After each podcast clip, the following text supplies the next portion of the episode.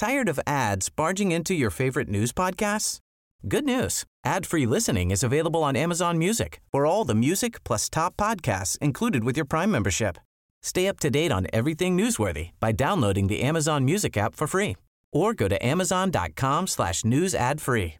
That's amazon.com slash news ad free to catch up on the latest episodes without the ads. Introducing Wondersuite from Bluehost.com. Website creation is hard, but now with Bluehost, you can answer a few simple questions about your business and get a unique WordPress website or store right away.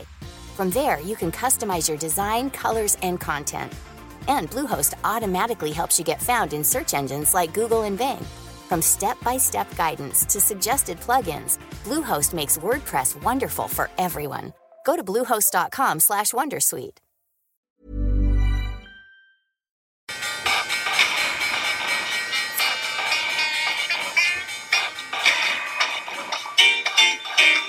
The governments don't rule the world.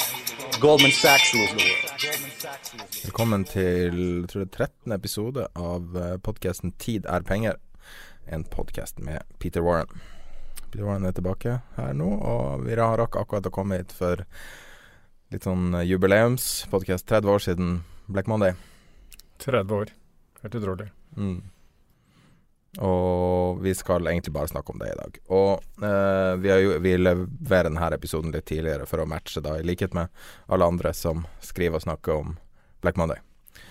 Eh, vil takke vår eh, samarbeidspartner IG Markets. Eh, hvis du ikke kjenner IG, så er det en nettmegler som eh, henvender seg til mer aktive investorer. Hos IG kan du ta både lange og korte posisjoner, og i mange forskjellige markeder. Det er et ganske bra tillegg til langsiktig sparing. Eh, hvis du kanskje har lav rente der, så kan du trade deg opp litt.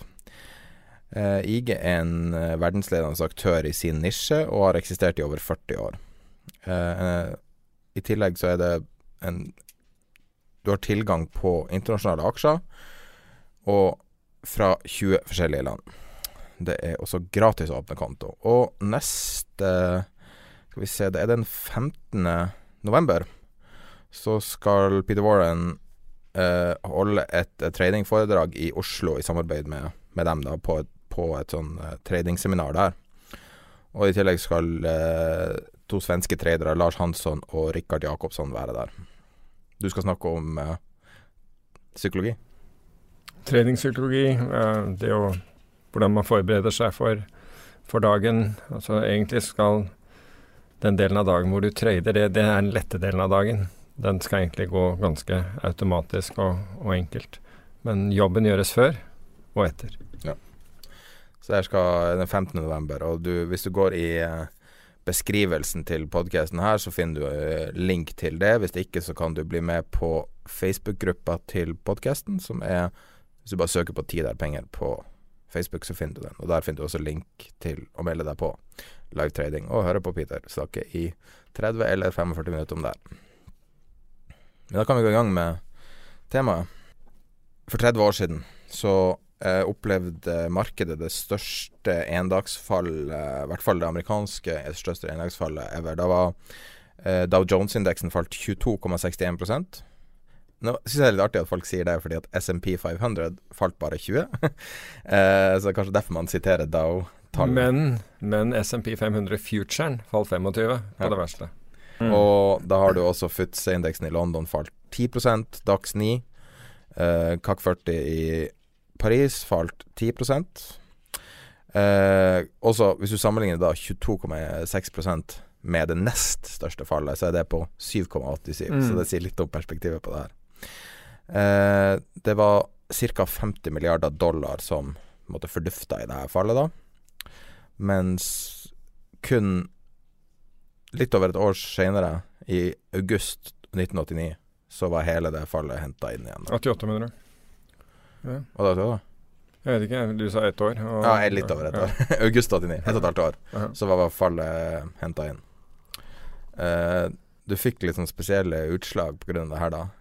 Du har bl.a. 5% økt innleggelser på sykehus, bl.a. pga.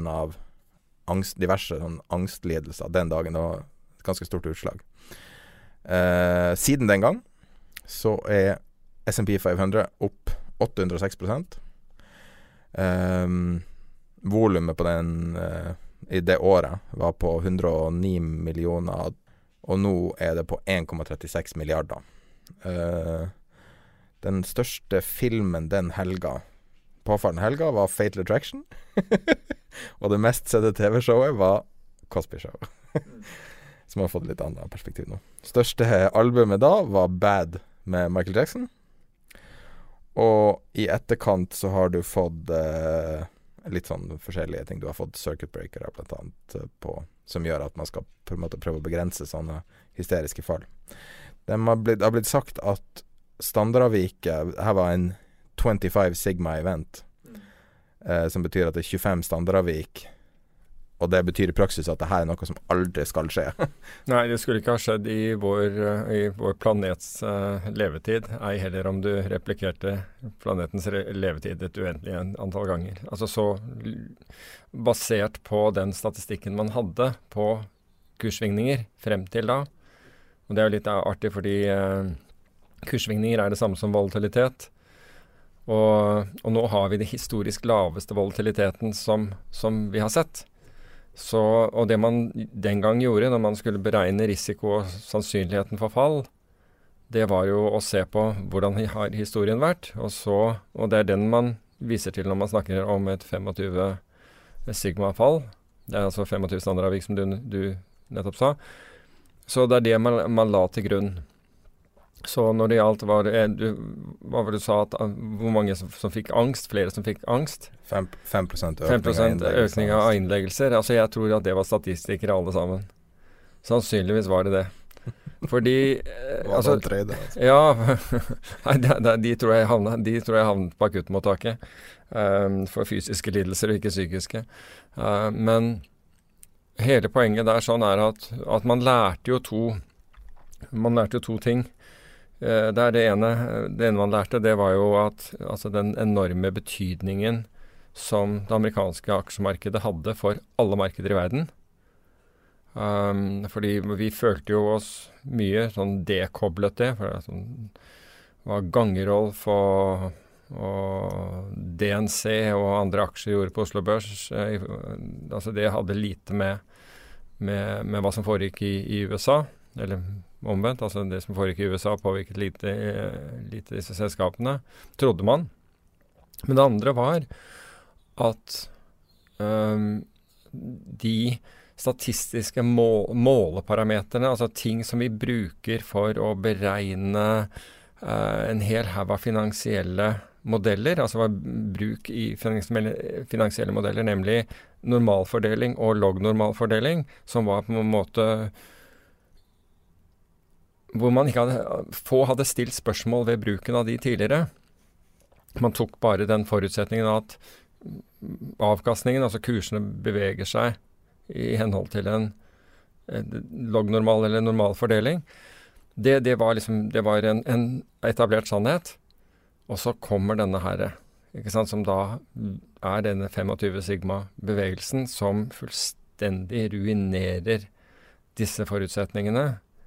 Men det verste er at markedet har liksom gått tilbake og fortsetter å bruke eh, de samme måltallene og late Men og, og ikke minst skjevdeling, altså med andre ord at markeder kunne falle. Altså, normal, altså normalfordeling sier jo egentlig at, at uh, det er like stor sjanse for en oppgang som en nedgang. Og like stor uh, sannsynlighet for en stor oppgang som en stor nedgang. Og det lærte vi jo med en, med en sånn brutal reality at det ikke var tilfellet, når, når, vi så markedet falle 20 på, på, på kort tid. Og ikke minst altså Det er i morgendagen, altså den 20., som, som var dramadagen i Oslo. Fordi 19.10, der var ikke noe drama på Oslo Børs. Var ikke det hele tatt, for det, dette skjedde jo etter at børsen har stengt. Altså det som, det som skjer, altså, er jo at den 16., som er fredag, det er flom i Oslo. Da er vannet så høyt at liksom den, den piren som går ut til eh, dronningen på Bygdøy er under vann, og, og, litt sånn forskjellig. Og jeg måtte dra fra kontoret fordi venninnen min hadde bilen sin parkert der ute, så vi måtte prøve å få den, og, vannspruten sto. Og vi prøvde å få den bilen inn på land. Um, men den dagen, så den, den, Eller den kvelden, norsk tid, um, dagen i, i, i, USA, så faller Dow Jones 100, 100 poeng. Og det er ganske mye. Og, og jeg, hadde, hadde, ventet på, på et kursfall. Jeg hadde uttalt at jeg trodde det var et kursfall. Jeg hadde jo ikke noe peiling på at det skulle bli det det ble den, den påfølgende mandagen. Men jeg tenkte ok, her er det jeg driver og ser etter. Så jeg, den dagen, så, så faller kursene, og det faller til, til, nivåer som jeg var interessert i å kjøpe. Så jeg kjøper kjøpsopsjoner den dagen. Og jeg er nødt til å legge inn ordre. Fordi jeg må redde denne bilen, som, som, som sagt. Så jeg, så jeg, ringer over til Chicago, legger inn ordre på disse, på disse kjøpsopsjonene på SMP 500-indeksen. Og gir en limit på det, og drar.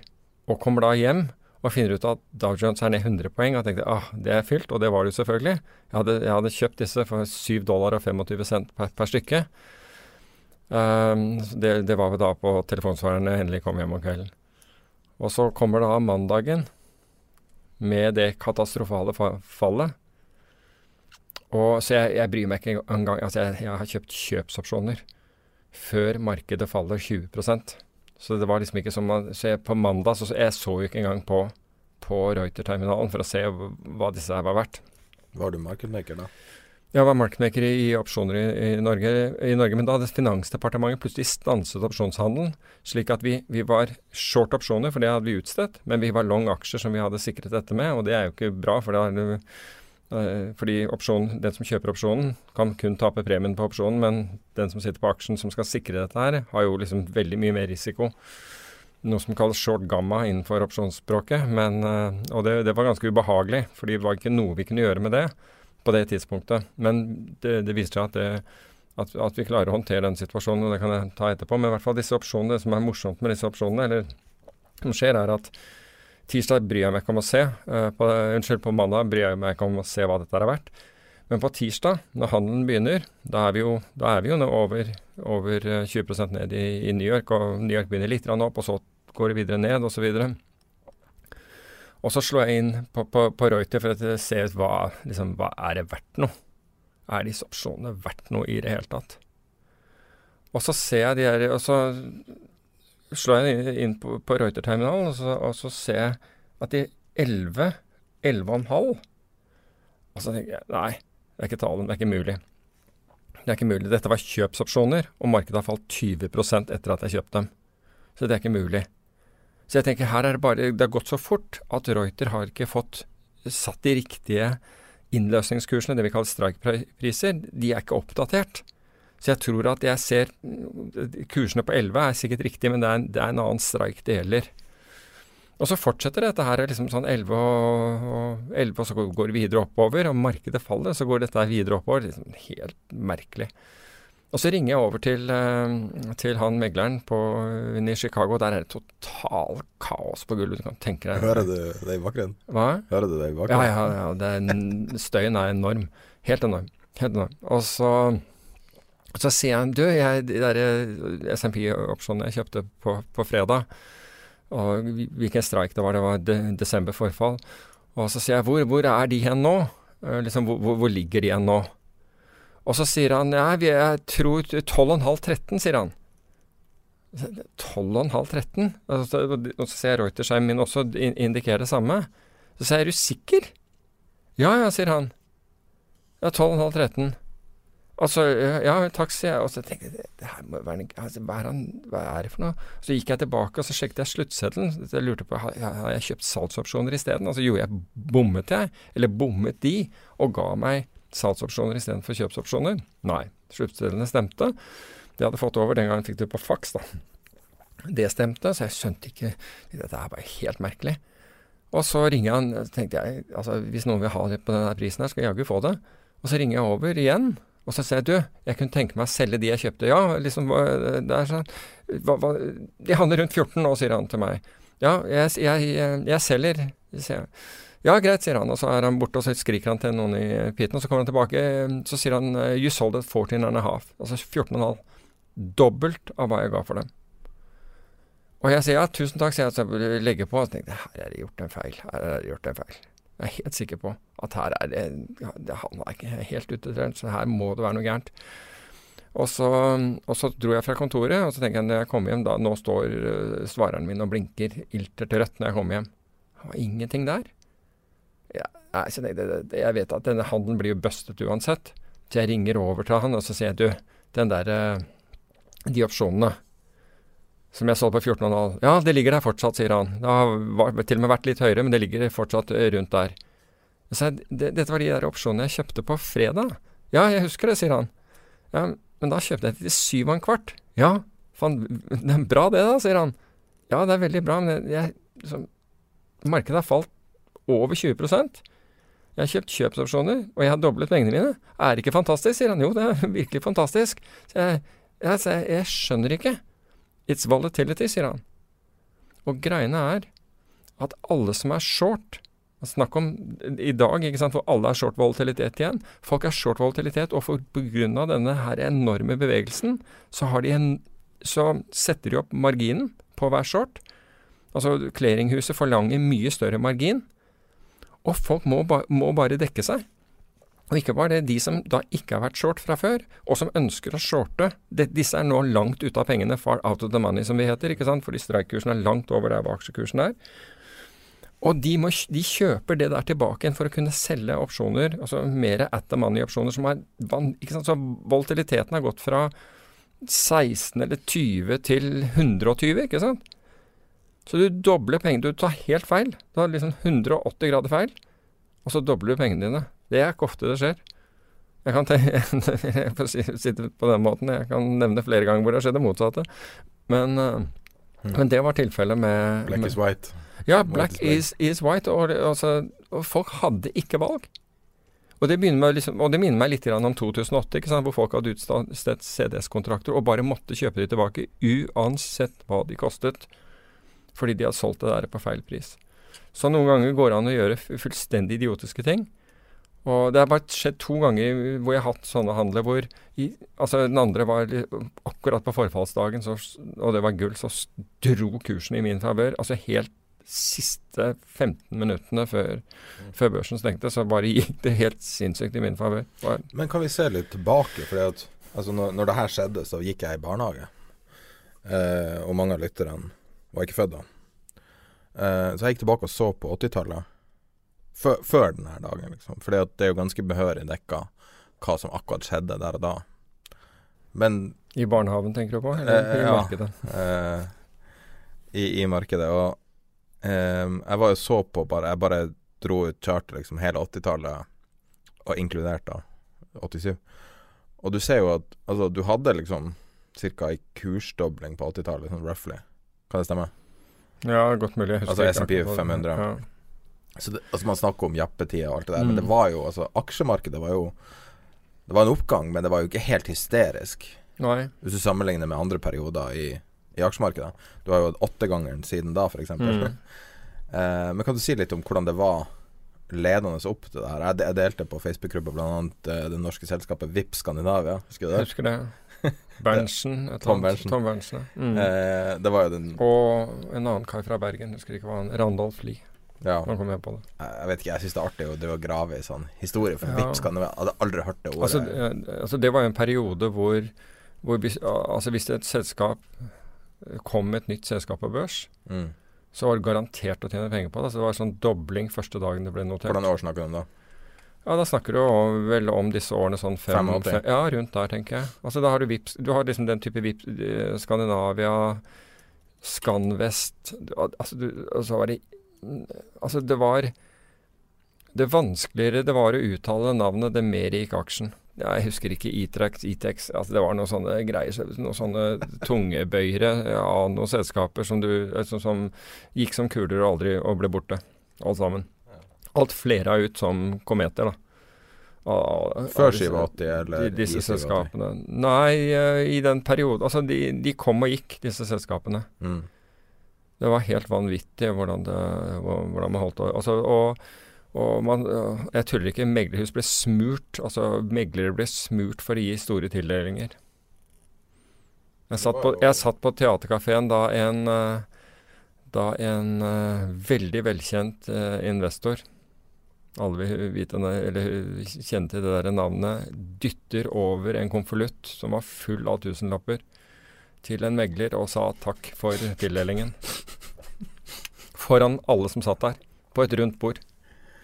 Det ble ikke gjort i skjul engang. Kan ikke noe mime ut uh, navnet og, og hvordan utseendet på personen. Jeg vet ikke hva det snakker om. Det, altså, det var, det, var, ja, det var helt sprø tider, for så vidt.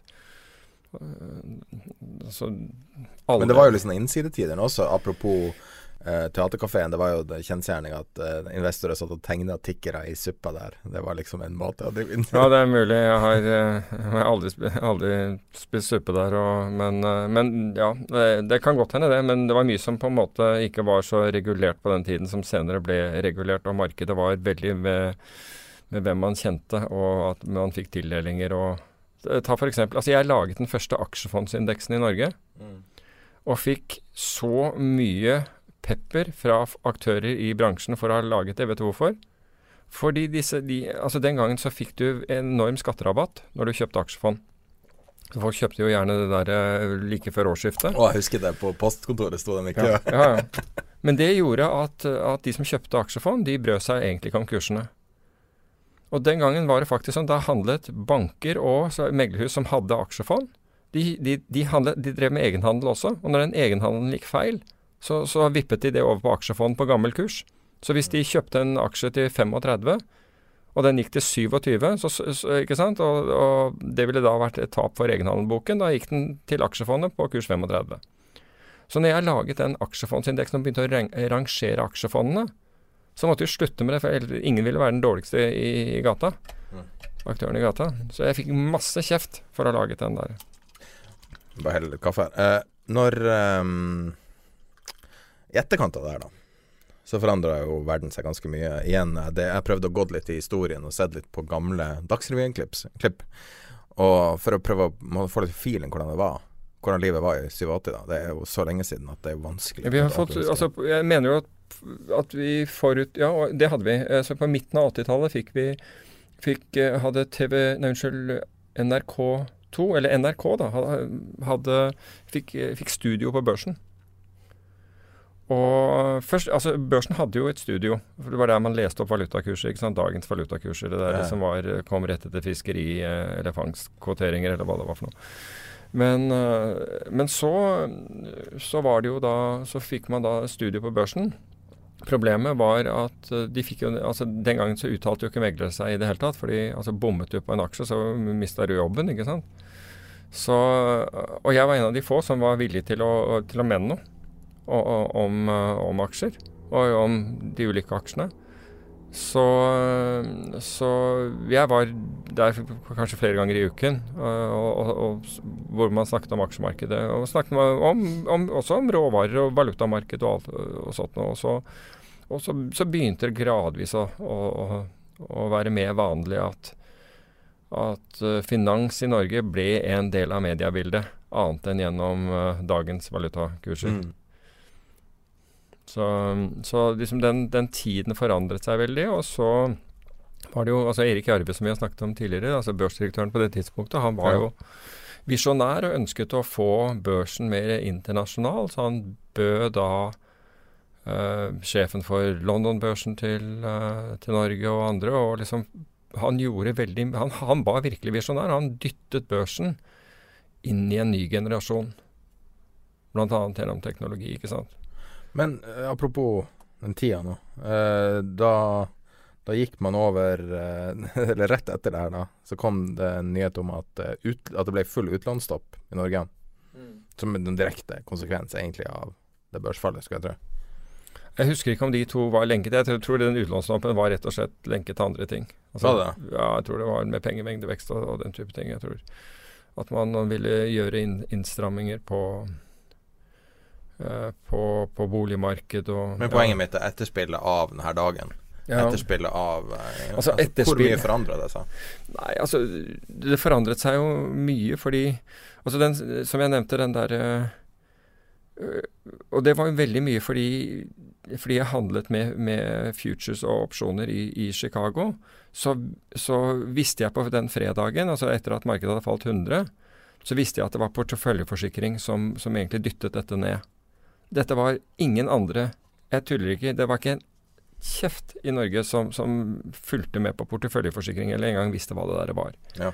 Um, og dette selskapet LOR, da, uh, Leland og Brian Rubenstein, som, som, hadde da Rubenstein er Mark Rubenstein, som, som Cox-Ross-Rubenstein-modellen for opsjonsberegning. Uh, Veldig hyggelig fyr for øvrig. Um, uh, de hadde jo da kommet på denne porteføljeforsikringsteknikken. og, for, da, og hadde da lovet å forsikre porteføljene til mange, mange institusjoner i USA, forsikringsselskaper og andre. Og er det gjort gjennom opsjoner? Det var gjort gjennom future-kontrakter. De solgte future-kontrakter etter hvert som, uh, som, markedet falt. Og det, som, og det, var derfor vi fikk på den 19. oktober, altså for 30 år siden i dag, så, så falt future-markedet, altså terminmarkedet, falt 25% mens den underliggende indeksen falt 20 mm. Men allerede på, på, på fredagen, så pga. det fallet som var de 100 poengene, så, så fikk ikke de solgt nok. Og det, det, husker jeg fra, fra, de jeg snakket med der borte på, på fredag kveld, da jeg bl.a. fikk den um, ordrebekreftelsen på de, uh, på de opsjonene jeg hadde kjøpt, så var det snakk om dette overhenget som var der. Og hvis markedet åpnet svakt på, på mandag, som mange trodde ville gjøre, så ville det fortsette nedover, og de måtte selge mer. Så når vi kom på mandag altså ingen som, altså, det, ingen, Jeg tror ikke noen andre i Europa, ikke bare i Norge, men brød seg om akkurat det der med porteføljeforsikring, eller fulgte voldsomt med på, på det der. Men altså, hadde jeg forstått betydningen av det altså Jeg forsto at det, det, sannsynligvis ville åpnet til nedsiden. Men hadde jeg forstått betydningen av det, så, så kunne man jo gått short. Som det hadde vært logisk å gjøre. Men i hvert fall um, Og det er akkurat det som skjer. Og det, mer markedet faller, det mer må selges. Og jeg kan fortelle at strukturelt så har vi en veldig lignende situasjon i dag. Fordi i forrige uke så ble det satt ny rekord i short volatilitet i USA. Altså Folk driver og selger VIX-indeksen og opsjoner fortsatt fordi de prøver å, å, å tjene litt mer. Altså De er villige til å selge forsikring. Istedenfor å kjøpe forsikring, så utsteder de forsikringskontrakter. Og veldig mange investorer kjøper produkter i dag som er short volatilitet. Og de, for, de, forstår det ikke. De forstår ikke at det produktet de kjøper er short mm. volatilitet. De tror de gjør noe helt annet. De tror det er en eller annen struktur i det. Og det samme vil være altså hvis, du, hvis det virkelig begynner å rase på i dag, så vil du ha akkurat det samme. Du vil ha folk som må dekke seg, altså margin. Altså de vil få marginkrav fra, fra, fra clearinghusene og fra børsene som sier at vet du hva, dere må stille opp med mer penger. Dette her, det, dere driver og taper penger nå. Indeksfond, kan det For indeksfond er jo Nei, indeksfond er ikke giret i det hele tatt. Um, de aller fleste indeksfond er ikke giret. Da må det være et hedgefond uh, for at det skal være det. Så det vil ikke Så hvis du handler indeksen, så, så sant, du har den cashen du trenger. Så det, de er ikke faren. Men der hvor faren er i dag, altså et av stedene det er bl.a. i ETF-er. Ja, det, altså, det, er det jeg mener. Altså, ja, Exchange Traded Funds, ikke sant. Børsnoterte fond. Men det som har skjedd med, med, børsnoterte fond, er at du har fått en rekke Altså hvis det er på indeksen, ikke noe problem. Men der hvor du har børsnoterte fond, f.eks. Har, har du fått børsnoterte fond på, på high yield-indeksen. Mm. Og det har blitt mer likvid enn de underliggende obligasjonene. Ok? Så hvis du nå dundrer på der, og altså marketmakerne her, som da kjøper disse, må da selge de underliggende obligasjonene. Og, og, du skal bare tilbake til 2008, hvor du skjønner at det omtrent er umulig. Det, eller omtrent. Det er helt umulig å gjøre det i et, i et stort nok antall. Og Forrige uke så hadde vi nyheten om at Goldman Sachs og Morgan Stanley nå kjører total return swaps på corporate bond-indekser. altså Det er det samme som future-kontrakter på, på, på bond-indekser som har mye mer likviditet enn det underliggende markedet. Altså vi gjør Snakk om at historien gjentar seg. Vi gjør akkurat de samme feilene. Altså alle vet at disse at hvis du har et stort volum av disse terminkontraktene, og det er mye større enn det underliggende markedet, så vil du få et problem hvis du får en stor bevegelse. Da, du vil få et problem fordi den ene siden vil bli avkrevd mer og mer sikkerhet, og vil ha behov for å selge mer og mer, i et marked hvor du ikke kan selge. Og folk har helt glemt 2008. altså Vi, vi har jo to ganger tidligere snakket om at europeisk high yield nå handler til lavere rente enn amerikanske statsobligasjoner. Altså junk bonds handler til lavere rente. Og det er, her, og det er disse man girer opp. Det er dette her man driver og girer i i øyeblikket. Og det er ikke et likvid marked. Det viste 2008. Det fantes ikke likviditet. Altså Obligasjoner som handlet uh, for 80 den ene dagen, kunne handle på 15 to dager etter. Men det som er spesielt i dag, vi har fått en ganske interessant kommentar fra en leser på Jeg, fikk, sendt ut spørsmål, for vi visste ikke om vi skulle legge ut denne episoden i det hele tatt. Eh, litt sånn innskutt episode. Og så kom det et spørsmål som jeg syns var egentlig ganske interessant. Eh, vet jeg ikke helt hvor bra kilden er på den han henviser til da han legger til en YouTube-video. Så var det sånn ymse en som prøver å selge gull. Men spørs, altså, det han påvis, eller henviser til da, er the everything bubble. Og det er litt interessant, fordi det er noe man aldri har opplevd før. At aksjer er dyr, eiendom er dyr, obligasjoner er dyr. Alt er dyrt. Ja. Og i teorien, siden alt er annerledes denne gangen, så kanskje Kanskje alt kan falle. Kanskje obligasjoner og aksjer faller samtidig. Det er jo ikke godt å si, egentlig. Nei, det, altså, du har jo tre ting her som du nevnte. ikke sant? Du har eiendom, som du nevnte, obligasjoner og, og aksjer. Av de så er aksjer det som er mest likvid. Det er ingen tvil. Eiendom er ikke likvid når det faller. Og det bare ser du nå. Altså, jeg hørte om noen nå som prøver å selge bolig på et attraktivt område av Oslo, ikke langt fra her vi er nå. Mm. Uh, har to visninger. Ingen kommer. Ingen. Og det minner meg om liksom, vi, har, vi, har, snakket om min historie med, med dette tidligere. Dønn illikvid. ok? Så går du til obligasjoner. Statsobligasjoner, veldig likvide. Veldig likvide, Men hva har du gjort med statsobligasjoner i, i når det har vært kriser? I 87 og i 2008? Jo, du, du, du dytter ned eh, du, du, dytter ned renten gjennom kvantitative lettelser. Det er ikke noe å gå på. Altså Renten er allerede så lav at du har ikke noe å gå på. ikke sant? Du, Negativ rente, ja, ikke sant? Du kan kjøre negativt, men, men, men det monner ikke. Men det er statsobligasjoner. Alle andre obligasjoner, altså snakk om high yield, blir helt illikvid. Jokeren her er jo eh, Bank of Japan, Fed, alle Største holderen av japanske ETF-er, Bank Ja, Japan. Riktig. Største holderen av eh, amerikansk statsgjeld, Fed. Før Ja. var Kina. Ja. Kina er ikke lenger største Nei. holder. Så det spørsmålet er ok, kan et marked som det kollapse hvis det Fed Nei, sitter men- på 80% Men la oss si at det ikke obligasjonsmarked Men, men greien er at tidligere så har altså man har sagt innenfor finans og brukt et sånn uh, ordtak om man vil, at uh, den eneste free lunch du får, det er diversifisering. Altså med andre at du får senket risikoen din ved at du har flyttet penger. Ikke sant? F.eks. i eiendom. Du har ikke alltid aksjer, du har, du har ikke alltid obligasjoner. ok, Så du har en viss diversifisering. Som oljefondet gjør det akkurat det. Eh, Så, som oljefond, ja, faktisk akkurat som oljefondet gjør. og Det er en veldig interessant artikkel i dag av, av eh, Terje Erikstad i DN som jeg syns var veldig god, må jeg, si. Altså, hvor, han, hvor han sier at hvis vi skulle få en situasjon lik eh, 2008, eller gud forby 87, så vil utfallet være katastrofalt for, for eh, oljefondet. Fordi det er ikke tilførsel av kapital, og vi har allerede mer aksjer enn det vi noen gang har hatt tidligere. Så effekten vil bli helt enorm. Og det er helt riktig. Men det får vi håpe at liksom, det norske folk er klar, er, er klar for. Tror jeg ikke det er, men det er greit nok. Men problemet i dag er da at, at du har ikke, altså, du har ikke diversifiseringseffekten lenger. Den, den eksisterer ikke. For det første er, altså Hvis den eksisterer, så er det, er illikvid. Men den eksisterer ikke. Hvorfor eksisterer den ikke? Jo, fordi myndighetene gjennom sentralbankene har tvunget ned renten og tvunget alle investorene inn i én aktiva-klasse, og det er aksjer.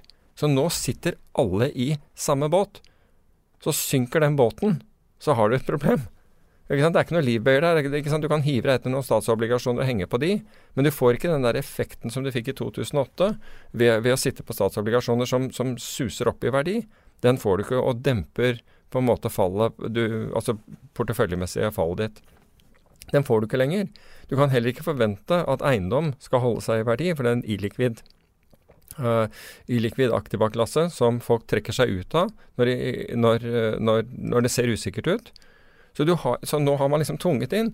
Og jeg kan love deg, de som ikke kommer til å ta, ta, um, uh, påta seg ansvaret for det, dette her, det er finanspolitikere og sentralbanksjefer. De kommer ikke når det er, de kommer bare til, til å riste på skuldrene og si ja, det er sånn, sånn er det. Det er jo snakk om altså noe med ny sentralbanksjef i uh, USA. Mm. Det har vært mye snakk om den der regelen. Kjenner du til det? Hvilken? Det er en sånn modell for å anslå hva de mener uh, sentralbankraten burde være. Aha. Og det viser jo at det ser ut som at renten er kunstig lav nå. Med et par prosent. Ja, det kommer an på hvilken målestokk. ikke sant? Du, har ikke inflasjon. Altså Inflasjon har jo skuffet hele veien. Det, det, altså, det, er ikke, det er jo ikke nødvendigvis aksjeverdier man har forsøkt å få opp. Man har prøvd å få opp inflasjonen og, og, og styrke veksten ved disse kvantitative let lettelsene. Det har man ikke klart før nå nylig. Nå ser vi tegn til at veksten øh, At det er vekst, men samtidig er inflasjonen den skuffer. Så for alle de dollarene, milliarder på milliarder av dollar som er skuffet inn her, så det eneste man har gjort, det er å få å heve aksjekurser til, til nivåer som, altså, som verdsettes som man har knapt sett maken til. Det er det vi har klart å få ut av det. De har jo forhindra en, en, depresjon, da. Ja, altså initi Initielt så er jeg veldig enig Jeg syns det er helt riktig å gjøre det. Helt Initielt så var det jo selvfølgelig riktig å, å tråkke til, for man hadde ikke noe Altså i, i verste perioden av finanskrisen så, så, var man helt avhengig av at noen grep inn. Ja. Så det var absolutt helt riktig å gjøre. Men den, den uh, Hvorfor man skal øke vel, velstanden, altså til finansinvestorer på, på bekostning av vanlige skattebetalere etterpå, det det må jeg innrømme at der, der har jeg vondt for å se, for å se årsak. Altså hvorfor, hvorfor en alminnelig skattebetaler skal, skal, eh, betale dyrt for at finansinvestorer skal bli rikere. Det der, der, der liksom stopper det for meg. Men tror du når vi snakker om Vi ser tilbake 30 år, liksom, og så ser vi tilbake på Asiakrisa Dotcom Jeg ser på Asiakrisen. Hvor er vi igjen nå? Vi, er, vi, kom, vi har tatt igjen halvparten. Folk tror at ja, I Asia? Ja, altså se altså, på Japan. Japan. Ja. ja.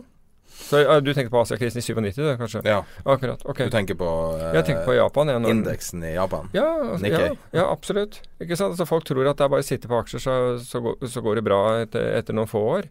Ok. Det er 27 år nå siden, og du, ikke, og du har fått tilbake halvparten. Fantastisk. Men hva er egentlig Hva er egentlig lærepengen? Hva du sitter igjen med nå, når du sitter og ser i dag, og, og det, det, hele greia føles som man lever på kredittkortgjeld eller et eller annet sånt. Altså, det bare det, Verden altså, føles i ubalanse nå. Ja, altså, altså, Det du sitter igjen med lær, av lærdom, er at, at i, i, hovedtrekk så, så gjentar historien seg. Det vil den gjøre. Altså, det, det fins en anatomi innenfor finansmarkedet som, som delvis kommer av, av uh, bonusstruktur og, og andre ting som gjør at det samme vil gjenta seg. Så, altså, ta f.eks. rett etter en Normalt sett så ville jeg målt noe rett etter en krise. Etter en krise så, så har man fått erfaring. Aktørene som var der, fikk masse erfaring, men de har blitt uh, mer risikoaverse. Eller de, er, så, de er ikke så villige til å ta risiko, fordi de har, sant, de har sett They've looked into the abyss. De har sett liksom ned i det svarte hullet. Så de er mindre risikovillige enn de var før. Og det er helt naturlig. De har også fått mer kunnskap om altså, hva, hva skjedde, og hvordan kunne de unngå, unngå, det. Så de er mindre villige til å ta risiko. Investorene er også mindre villige til å ta risiko. Men så, etter hvert som vi fjerner oss fra, fra Diabis, så, jo, så kommer det til nye aktører som ikke var med på dette her. Og så får du et sånt generasjonsskifte fra, fra, de som er blitt mindre risikovillige, til de som aldri har sett risiko før, og som vil ta risiko.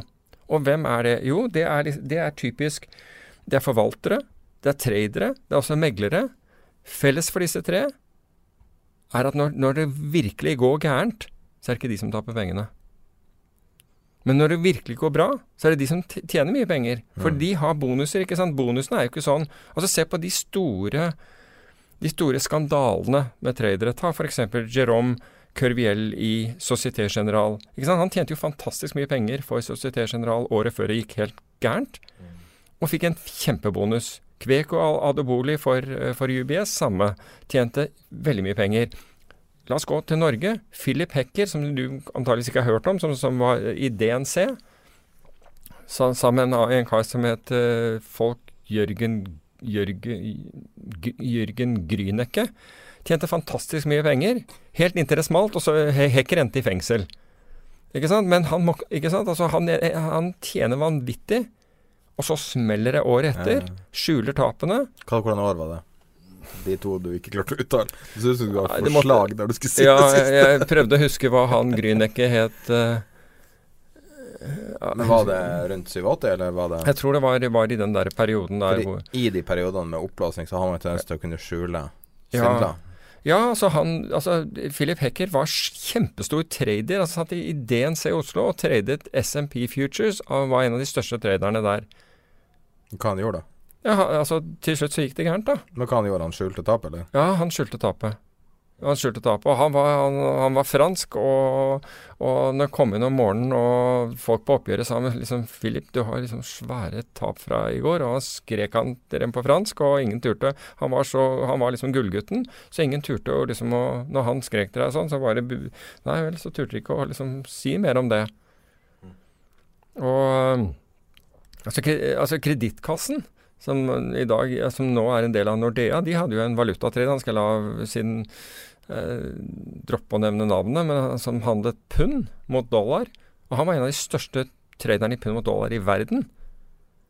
Og det gikk veldig bra. Altså Det gikk bra så lenge han var der. Og så flyttet han, så dro han til, til en bank i USA. Og så etter det så kom han tilbake igjen til Norge, og da begynte han å handle uh, istedenfor å handle pundet. Og der hadde han virkelig altså Han skremte vannet av hvilken som helst bank, han. Altså, det var helt utrolig. Altså, når han, brokeren ba han om en pris i, i pund, så ville han f.eks. stille 50-55. Glem hva tallene foran er. Og så ville noen si kan du ta 50 millioner pund på 50, kan, kan jeg gi deg det? Altså du kjøper på 50. Ja, sier han her, det kan jeg godt ta. Hva er den nye prisen din? Ah, 50-55, sier han. Normalt sett så vil du da kanskje stille 48-53. Stiller deg ned, men han nei. Og så dundret engelske banker på, da. Så fikk han kanskje et par hundre millioner pund på den der kursen. Og så ville brokeren si Hva er prisen din? Og så ville han stille opp. Så han, han var han klin gæren. Så da plutselig stilte han 60-65. Og til slutt så ville en av disse virkelig Lloyds eller NatWest eller Barclays og disse jeg tenkte herregud, han må vite noe. Han vet et eller annet. Og så ville de begynne å kjøpe, og så tjente han, og så snudde han posisjonen sin. Ja, han var, altså, han var gæren, han. Bare sa nei, altså, her stopper det. Men i hvert fall så går han den der turen. Det går ikke så bra med han i, i, når han er i New York, og så kommer han tilbake igjen til Norge, og da skal han handle yen. Japanske yen. Dollar yen. Og de japanske bankene de er ikke like lettskremte som engelskmennene. For de japanske bankene de har mye nærmere forhold til Bank of Japan enn det de engelske bankene hadde til Bank of England når det gjaldt å få litt hjelp. Så der ender det med at uh, noen må gjøre en deal med en japansk bank for å klare å få han ut, og, og da forsvinner han. Med, med, med, store tap. Så du har, men altså, poenget mitt er at du må ikke betale for. Altså, så lenge du har en sånn struktur i markedet hvor, hvor, hvor, hvor du blir betalt for å være gæren. Det, det gjelder å være gæren.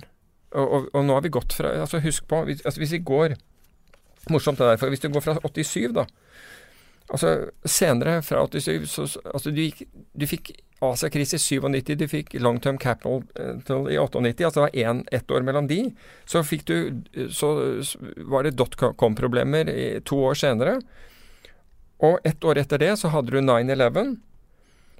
Og, det, og, egentlig det bear market som begynte i 2000, varte til 2003. Og så hadde du fem år til 2008, og nå har du hatt ni år. Altså. Så har du hatt ni år nå, og det betyr at du har byttet ut omtrent hele generasjonen med de som på en måte hadde erfaring, kunne forsto risiko og var, no, og var litt risikoaverse, med de som ser at her fins ikke risiko. Aldri sett risiko. Det, det gjelder bare å gi gass. MIT-professor Andrew Lowe har skrevet om dette. Han har, han publiserte en bok om dette her. Altså, det, altså den handler om animal spirits. spirits. Altså, hva, hva, skal vi kalle det på norsk? Animal spirits, altså dyriske drifter, da. Mm. Uh, og, og, hvordan mennesker i flokk, og hvordan, det, og hvordan, man reagerer på denne måten. Og hvordan, hvordan hvor, og Slik at du får en sånn anatomi, finansiell anatomi, som da endrer seg på denne måten, fordi de som gir mest gass, de forlanger de største bonusene. Ingen ser tapene, fordi, tapene, fordi det, det, egentlig går bare oppover. Ingen forstår risiko, ingen bryr seg om risikoen lenger. Og det er ganske interessant, fordi i forbindelse med at, at Thaler nå får nobelprisen Han får no nobelprisen for behavioral economics, altså med andre ord kombinasjonen av psykologi og økonomi. Um, så sier han We seem to be living Dette er et intervju som, som, Bloomberg gjør med han i forbindelse med at han har fått tildelt uh, Nobelprisen, hvor de spør hva syns du om liksom, hvordan tingene er i dag. Og Da svarer han We seem to be living in the riskiest moment of our lives, and yet the stock market seems to be napping. Det er ganske godt sagt. Um, og så syns jeg en, en, annen sitat fra David Harding, som, som driver et 30 eh, milliarder dollar eh, eh, hedgefond i, i, London, eh, sa, for, sa flere dag People are long on self-belief and short on experience. Det er det du har i dag. Folk har stor eh, eh selvtillit, men mangler erfaring. Det er, det er liksom den jevne markedsaktøren i dag. Så hvis vi Altså, Jeg sier jo ikke at markedene skal kollapse, jeg aner ikke når. og Det svarte jeg på, på et spørsmål i, som, som, DN stilte i forbindelse med dette 30-årsjubileet. Liksom når, når smeller det neste gang? Jeg har ikke peiling. Um, men poenget er at hvis vi setter opp altså markedsstrukturen Vi må på en måte se hvor vi er hen i dette systemet. Og hvis vi ser hvor vi er hen, så, så, så vil du se at nå, nå, er det, nå er bare, det er snart bare gærninger igjen. Det er ikke de som, de som, håndterer risiko. De er ikke betalt for å håndtere risiko. De som, de som viser til moderasjon, de blir bare vippa ut. Um, ut av dette her. Ut av, av systemet. Og så er det jo andre ting som vi er også nødt til å se på. Det er at det er liksom den markedsstrukturen vi har i dag. Altså Hvis du går tilbake til 2008, da hadde du Specialist på, på New York-børsen. Du hadde marketmakere i antall som sto på gulvet. I tillegg hadde du marketmakere i alle store investeringsbanker. Så du hadde noen der til å supporte markedet. Hva har du i dag? Du har omtrent ingen marketmakere der ute, virkelige marketmakere. Jeg vet ikke om noen av dem uh, er igjen, jeg. Jeg vet ikke rett og slett om noen av disse, disse spesialistene er igjen. Men altså, hvor er du hen i dag? Jo, i dag har du masse servere, mm. ikke sant? Og det er kjedelig å vise, så du viser heller noen som gestikulerer litt med, med det her. Men altså, personlige relasjoner Altså, når, når, du satt og, og var, en, var en, eh, en, større aktør, eller hadde store volumer, så hadde du personlige relasjoner med f.eks. marketmakere i Morgan Stanley, Goldman Sachs, UBS, overalt. Rett og slett. ikke sant? Altså Jeffries Rett og slett over hele, over hele linja. Du kjente folk, og du snakket med dem hele dagen på, på telefonen. I dag så, det, så, så er det jo algoritmer som stort sett stiller prisene. Prisen på norske oljeaksjer er, påvirkes av oljeaksjer alle andre steder. Så, hvis, så vi, vi, vi, tenker på at liksom hvis Statoil er sikkert for all del solid selskap osv., men prisen på Statoil påvirkes av prisen på British Petroleum og alle andre oljeselskaper der ute, og forsvinner. Jeg kan love deg, hvis prisen på oljeselskaper skulle altså, gå svart i USA et øyeblikk, så stilles det omtrent ikke priser i Statoil heller, fordi alle sitter og priser på basis av hverandre korrelasjoner som oppfattes ufattelig fort av, eh, av, algoritmer som de regner ut, og vet hvor de skal prise Statoil i forhold til disse andre selskapene. Alt prises i forhold til noe annet. Så disse personlige relasjonene Det er ikke sånn at du kan ringe opp en, en marketmaker et eller annet sted og si gi meg en pris for, for uh, to millioner Statoil. Du kan gjøre det på en god dag, for all del, men hvis prisbildet plutselig forsvinner, så forsvinner det. Er det mulig å kjøre et scenario, da? Uh, noe som eh, jeg nevnte så vidt før. Du har, eh, du har lignende i Oslo, men på New York-børsen, da, så har du altså New York Stock Exchange, så har du eh, circuit breakere som blir mm. introdusert etter, etter Black Monday. Eh, det er ment til å stoppe irrasjonalt salg. Ja. du har tre level, da, de kaller det. Mm. Så level 1 er på 7% level 2 på 13% Så hvis eh, hele markedet, markedet som helhet jeg, jeg, lurer på om det er SMP de måler, tror jeg. Så hvis det faller mer enn 7% så holdtes aksjene i uh, 15 minutter. Mm. Det kan skje én gang. Og så hvis det fortsetter å falle, så faller mer enn 13, så holdtes det igjen 15 minutter. Og hvis det faller 20% så stenger det ut dagen. Mm. Så det her er jo for å forhindre at man skal ha et megafall. Men spørsmålet er i en verden der alt kalkuleres og omkalkuleres kontinuerlig, hva skjer hvis eh, bare level 1 trigges?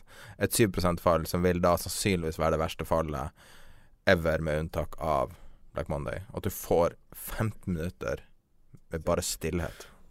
Ja, Altså, breakerne som du, du sa, de, de, har jo de er jo forankret i et forsøk på å, å, få normalitet tilbake i markedet, og ikke at det bare skal være kaos og psykologi. Problemet er at i, ta i 1987 så kalkulerte du marginen, altså med andre ord øh, Når folk hadde belånt posisjonene, så, så ble det kalkulert én gang for dagen.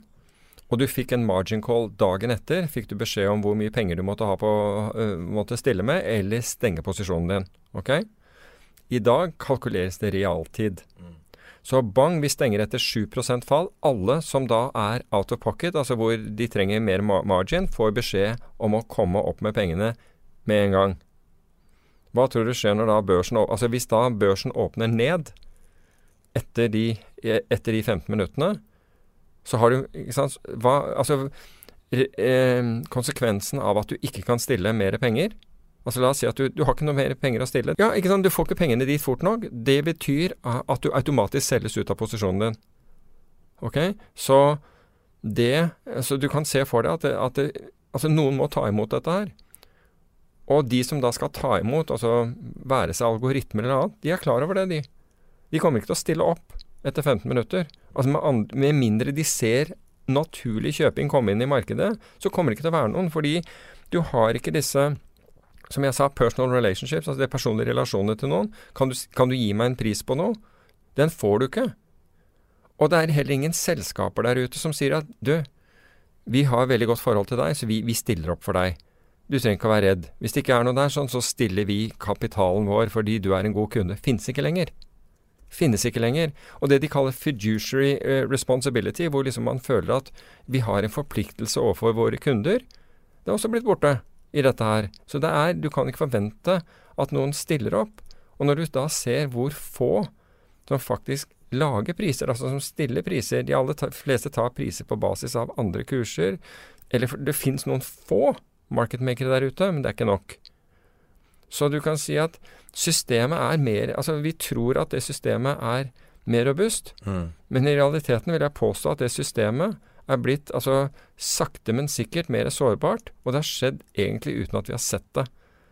ja, altså I 1929 så sto jo JP Morgan, John Pierpont Morgan, ja. han originale JP Morgan, ja. han sto jo bokstavelig talt ute på trappa og kjøpte aksjer. Ja for å være en slags kan du, lender si. of last resort, på en måte. Der, han, han, stilte prisene til JP Morgan, altså investeringsbanken, bak det han gjorde. Mm. Det er det vi kaller firm, altså firm, som i selskap commitment. Så han var datidas sentralbank, på en måte? Da. Ja, eller han Nei, han bare sa at ja, altså, vi stiller oss Ja, altså han klarerte markedet, men vi, vi stiller kapitalen vår bak dette her. Ja. Men se til 2008, da. Det var ingen som stilte opp og sa at vi stiller oss bak dette her. Det var til slutt sentralbanken. Men det fikk en annen form, og da ble sentralbankene. Spørsmålet er hva skjer neste gang? Ja, men det det, er det jeg sier. nå har sentralbankene Og det, kan, vi kan avslutte med et til spørsmål fra en, uh, en, lytter som også er på gruppa på Facebook.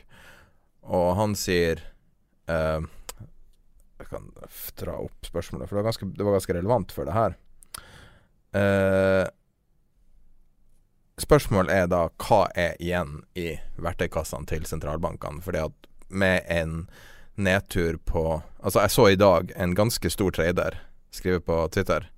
En institusjonell trader sier um, Hva han sa for noe? Markedet Han sa People are actually in a minor panic because Eurostox is down 0.7% Og at, altså, det var jeg, jeg, jeg, så det veldig mange kommentere at markedet var ned i det hele tatt i dag pga. Kina, som også var et sånn mystisk fall. Nei, Hongkong tenker du på. Ja, Hongkong. Ja. Kina. Hongkong. Mm. Eh, og Hang Seng var er 2 plutselig ja. ut av det blå et fall. Um, men da spørsmålet er la, oss si at, la oss si at det her fortsetter. La oss si at det nå begynner å falle helt uten grunn. Mm. Helt uten en obvious grunn, i hvert fall. Hva er igjen i verktøykassa til sentralbanken? For folk vil jo se til dem med en gang. Altså Det som er, er, er jo at sentralbankene fort, altså bråtrykker mer penger og kommer inn og begynner å kjøpe. Tror du det? Nei, om jeg tror det skjer? Ja. Nei, jeg tror ikke det skjer fort. Jeg, jeg, altså jeg tror, jeg tror, det kan skje. Altså jeg tror sentralbanker kan bli tvunget, men vil det stoppe fra, fra at det faller og folk taper penger? Nei. Altså, Sentralbanker er ikke der for, for, å, for å, demme opp for idioter. altså. Det er ikke, det er ikke der, derfor vi har sentralbanker, selv om man kunne altså et, etter de siste årene kunne rett og slett kunne tro det. For det er sånn de opptrer. Hver eneste turbulens i markedet så kommer sentralbanken inn og kjøper. Og det er det folk tror òg.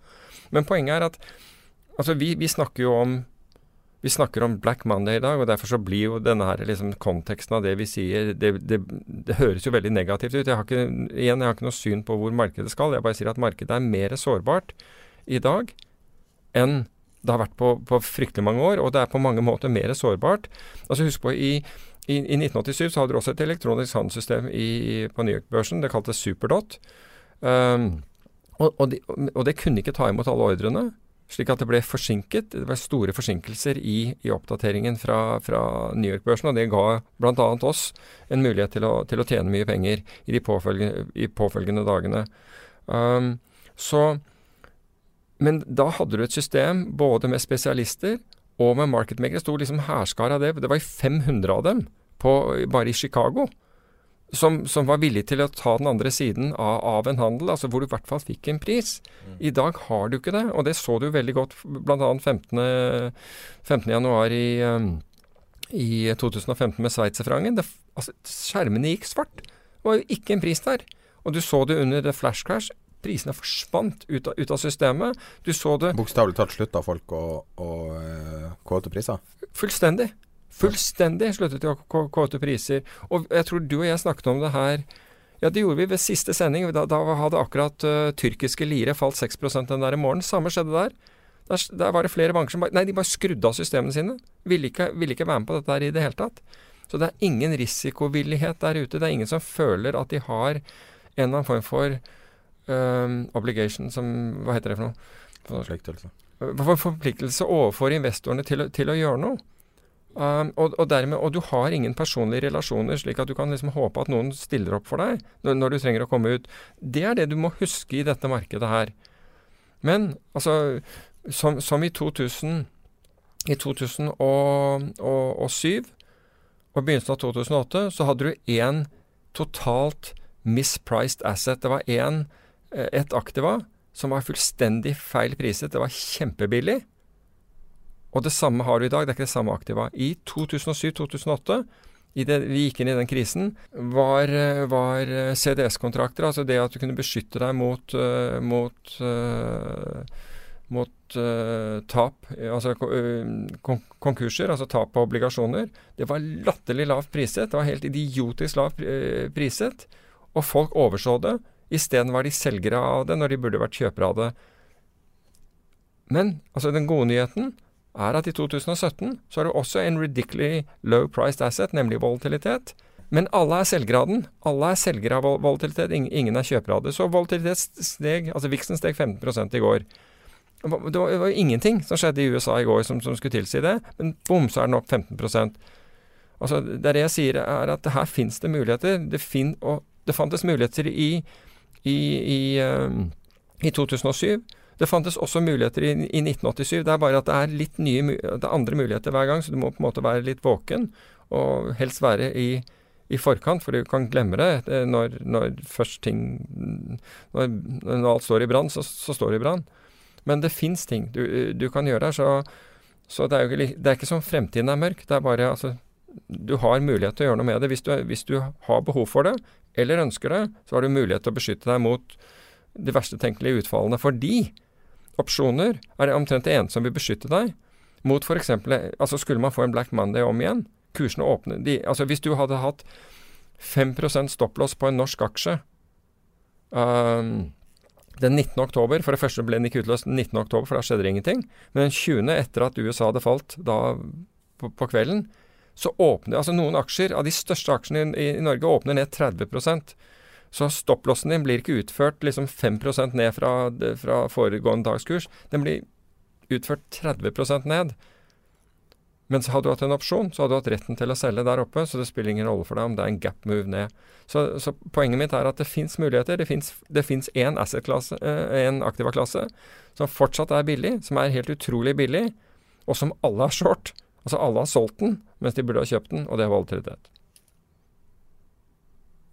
volatilitet. tror det er en ganske bra eh, opprunding, eh, avslutning av eh, denne episoden, som viste seg å være ganske depressiv. Jeg var ikke egentlig forberedt på det. Ja, det, var, det var ikke meningen å gjøre den de depressiv. Altså, jeg jeg, jeg synes jo Det var en røff dag, da. Ja, det, altså, det, absolutt. Altså, 20. var en, var en røff dag, og, og det, altså, vi handlet det, altså, det gikk så fort når vi drev og handlet, at vi hadde jo problemer å rett og slett avstemme posisjonene våre. Mm. For det gikk så fort, så vi ble sittende langt utpå natta, altså langt utpå morgentimene med å prøve å, å, å finne ut posisjonene våre. Hjem, få noe søvn, og så tilbake igjen. Den gangen åpnet man, man børs klokken ti, og da stilte vi jo, jo marketmaker-kurser i, i aksjer. Men vi var mest egentlig aktive på kvelden, da, da ingen andre i Norge stilte priser, og vi gjorde det. Men jeg tror faktisk at fallet i dollar var veldig mye større på flashcrashet. Altså det dollartapet, hvis du da tar fra topp til bunn. For Hvis jeg husker riktig, så var det 4000 milliarder kroner Ja, det er mulig, men altså som var det teoretiske tapet. det ja. Som er vesentlig Men kan jeg bare si en ting om, en ting om dollar, bare mens jeg husker det, fordi du minnet meg på det. og det er hvis du, altså Alle driver og snakker om hvor mye det amerikanske aksjemarkedet har steget i år, og, og Trump får æren og hele greia. Men hvis du justerer for dollarfallet, mm. Så er, det, så er, så er, markedet, så er markedet omtrent flatt. Det er så vidt det er opp. Priser det amerikanske markedet i kroner, så er det dårlig. Ja, ikke sant. Det er nettopp det, altså Da har du ikke fått noe avkastning ut av det. Så når Trump går og liksom snakker om hvor fantastisk dette markedet har vært, juster for verdifallet i dollar. Men hvis du fighter en valutakrig, så vinner han jo. Hvis du fighter en valutakrig, så Taperen vinner jo. Svakere valuta, jo bedre er det. Ja, altså Det er jo en valutakrig, og han har jo vel For, for hvem? Altså for eksportindustrien din? Ja. Ja. For, ja, for eksportindustrien der, for, import, for importindustrien din? Er ikke de Ikke så bra. nettoeksportør? Jo, jo. ah, Du, nå, okay, Altså USA du du vil ha ha en svak valuta. Ja, altså du, ja, det er veldig mange land som, som gjerne vil ha en svak valuta ut fra det. Men du kan si at hvis, når, når du da er amerikaner og skal på ferie, så er det ikke, er det ikke like hyggelig Nei. på den måten. Da du kommer opp til Tromsø. Jeg vet ikke hva en halvliter koster i Tromsø, men eh, Mye det- mindre enn i Oslo. er det det? Ja vel. Jeg husker det var priskrig på whisky en gang. Det var helt fantastisk Ja. ute på byen. Det er ikke i Oslo. Wow. Tror ikke du kunne ha det engang. Nei, men da, tror jeg vi runder av på eh, noe som kan minne om positivt i alt det her negativiteten fra den verste dagen i eh, Ja, positivt er at det fins eh, det fins lys i enden av tunnelen her. Det fins noe du kan gjøre hvis du Ja. ønsker det. Det bra. Da eh, avslutter vi med en eh, liten samtale med Erik Hansen fra IG Markets. Og igjen, jeg gjentar hvis du har lyst til å mm, si hei til Peter og være med på tradingkvelden til IG Markets, så er det bare å gå inn på Facebook-gruppa vår som er Tid er penger, eller lese i beskrivelsen av podkasten. Så da er det over til Erik Hansen i IG Markets. Eh, kunder som handler via IG, kan gjøre det på flere måter, kan man ikke det? Jeg, det her er, jeg er ikke helt sikker, men at du kan bruke flere handelsplattformer. Altså, du kan bruke Veldig mange i Norge bruker Infront for å monitore markedet. Kan man handle IG-produkter over Infront, eller må man bruke hjemmesida? Det stemmer at vi har ulike plattformar. Eh, vi erbjuder inte Infront utan vi, våra mer avancerade plattformar som vi erbjuder våra kunder heter bland annat uh, Pro Realtime och uh, MT4, MetaTrader 4. Akkurat. Så eh, MT4 er equivalent av Infront. alltså det ser ganske likt ut, og för folk er vant att å forholde seg til et program. Ja, precis. Det, det är en nedladdningsbar plattform så den laddar ner på datorn och installerar. Eh, dock ska jag inte jämföra med Infronten. Eh, men eh, jag skulle säga att de, de flesta av mina kunder som eh, kräver lite mer avancerade eh, verktyg, lite mer eh, charts, eh, lite mer teknisk analys, eh, lite mer funktioner. Eh, de gillar att handla i Pro Real Time. och det, jag skulle säga det är ett suveränt verktyg. Men når man bruker DMA-produktet, kan man Mm. ikke handle i flere plattformer da også? Ja, det är lite, lite olika det där. Det bästa är egentligen att man ringer in till, till sin kontaktperson på IG och berättar eh, vilka produkter och marknader man handlar. Eh, så tar vi fram en skräddarsydd lösning för kunden. Okay. Eh, Ja, det finnes et API. ja, det finns API också. Ja. Eh, om man har egna system och vill koppla upp sig på IG. Så att man, man kan göra det väldigt enkelt och man kan göra det extremt eh, avancerat. Ja. Eh, och eh, alla traders har olika strategier och handlar på olika sätt. Eh, och vi erbjuder ett flertal olika plattformar och typer. Och... Men när du kom hit så drev du och trada på telefonen? Ja. Eh, uten å gå i detalj hva du er på med, men eh, hvordan program bruker du da? Eh, det är IG-appen på mobilen. Eh, man, kan ladda, man, man, kan söka på IG trading, eh, iPhone eller Android. og och då har du en applikation på mobilen som, eh, som är synkroniserad med alla våra andra plattformar också. Så att även om du tar dina positioner i, i MT4 eller Pro Realtime eller via hemsidan så kan du monitera allting via din telefon också. Cool. Så allting, allting är sammankopplat. Tired of ads barging into your favorite news podcasts? Good news. Ad-free listening is available on Amazon Music for all the music plus top podcasts included with your Prime membership. Stay up to date on everything newsworthy by downloading the Amazon Music app for free or go to amazon.com slash news ad free. That's amazon.com slash news ad free to catch up on the latest episodes without the ads.